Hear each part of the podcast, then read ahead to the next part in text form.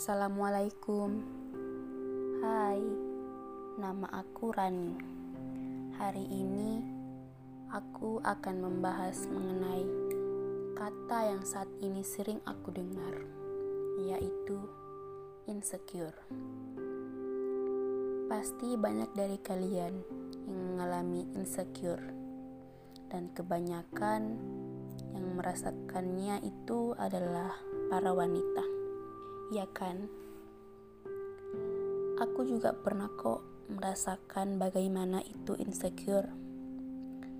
Tapi sebetulnya kalian tahu nggak sih apa itu insecure? Insecure itu bisa dibilang tidak punya percaya diri. Apabila kita mengalami insecure, kita biasanya akan merasa tidak aman, malu, selalu merasa bersalah, merasa rendah, dan merasa kekurangan. Insecure itu bisa seseorang yang insecure itu pasti merasakan kalau diri dia berbeda dengan orang lain. Tanda-tanda kalau kalian sering insecure itu yang pertama memandang rendah diri kalian sendiri. Sebenarnya hal tersebut biasa terjadi karena kalian pernah mengalami pengalaman buruk di masa lalu kalian.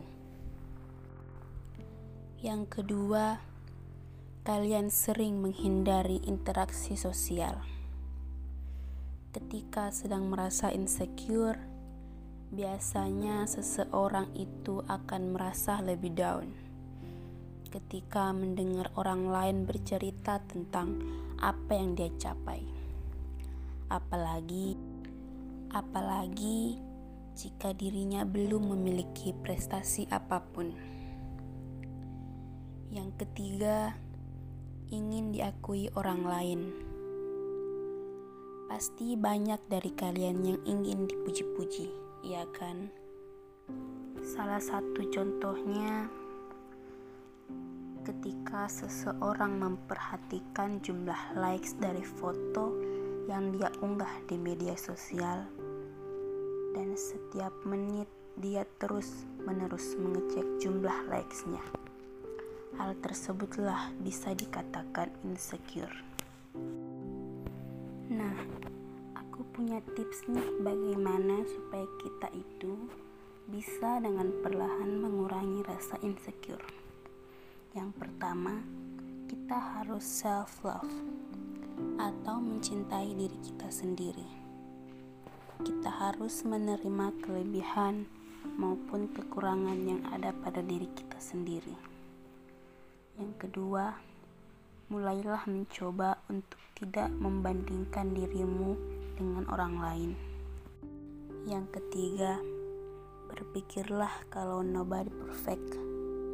Ya, tidak ada yang sempurna di dunia ini. Karena Tuhan menciptakan kita dengan kekurangan dan kelebihan.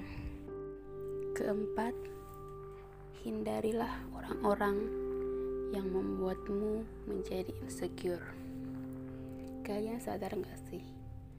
Kalau orang-orang terdekat kalian kadang membuat kita insecure. Alih-alih membuat semangat malah buat kita down. Mendingan kalian hindari orang-orang yang seperti itu.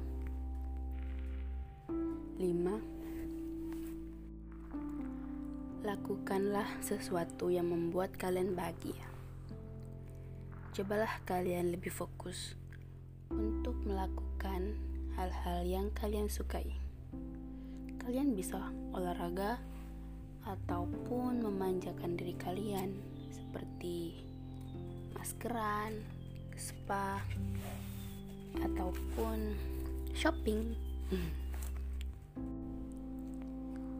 Aku pernah baca satu quotes dari Charles Bukowski dia berkata, Jika Anda memiliki kemampuan untuk mencintai, maka cintailah diri Anda terlebih dahulu. Menghilangkan insecure itu memang sulit, tapi yang berlebihan juga enggak baik. Syukurilah apa yang ada pada dirimu dan cintailah mulai sekarang. Podcast dari aku. Aku harap kalian menyukai podcast aku hari ini. Assalamualaikum, bye.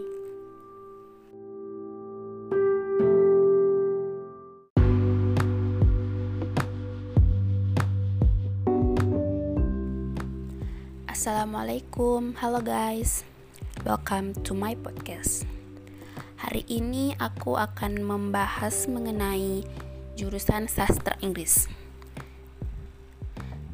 Sebetulnya di sastra Inggris itu kita belajar apa sih? Memangnya di sastra Inggris itu setiap kita mau bicara harus selalu pakai bahasa Inggris ya? Oke oke. Aku saat ini udah semester 5 dan sebentar lagi mau naik semester 6. Dari semester 1 sampai 5 itu banyak banget yang aku alami Mau itu yang buat aku senang, sedih, bahkan sampai nangis. Aku udah pernah ngalamin itu semua. Di semester 5, aku itu ngerasa kayak waktu itu cepat banget berlalu. Rasanya semester 1 itu baru tahun kemarin. Apalagi dengan keadaan sekarang yang mengharuskan kita untuk diam di rumah. Nggak bisa bertemu langsung dengan dosen, teman, dan doi. Pokoknya dalam keadaan sekarang, stay healthy ya. Oke oke, aku akan langsung ke intinya. Sebetulnya kita belajar apa sih di sastra Inggris? Menurut aku ya, kalau kalian mau masuk sastra Inggris, kalian itu sudah harus ada walaupun sedikit basic berbahasa Inggris. Karena di semester pertama itu kalian udah menghadapi mata kuliah reading, writing, speaking, vocabulary, listening, grammar. Dan kalau di kampus aku itu di semester 1 kita udah belajar mengenai linguistik. Tapi baru uh, introductionnya. Nah semester-semester selanjutnya kita akan fokus belajar di bidang kesustraan atau literature culture atau kebudayaan yang berhubungan dengan bahasa Inggris. Bahkan di sastra Inggris kita masih belajar sejarah. Ayo ngaku siapa yang pas SMA atau SMP-nya itu sering tidur kalau pelajaran sejarah. Selain itu, kita juga nanti dihadapkan dengan mata kuliah prose, poetry, dan drama. Sebetulnya kalau di kampus aku nih ya, semua mata kuliahnya gak semua yang berhubungan dengan sastra Inggris. Ada juga mata kuliah umum seperti edupreneurship, bahasa Indonesia, atau mata kuliah yang mengenai tentang keislaman. Tapi tenang saja, kalian tidak dapat mata kuliah yang berhubungan dengan matematika kok.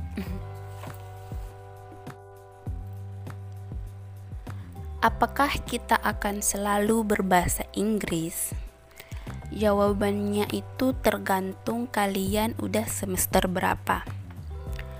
Kalau semester 1 sampai 3, mungkin kalian masih bisa memakai bahasa Indonesia. Semester 4 dan seterusnya, mungkin kalian udah akan disuruh untuk berbahasa Inggris. Tapi lagi dan lagi kalau di kampus aku itu ada beberapa dosen yang membiarkan kita untuk mix bahasa Inggris dan bahasa Indonesia. Karena mata kuliahnya itu katanya kata dosennya banyak kata-kata yang jarang kita dengar dan kita gunakan. Dan mata kuliahnya itu cross culture understanding.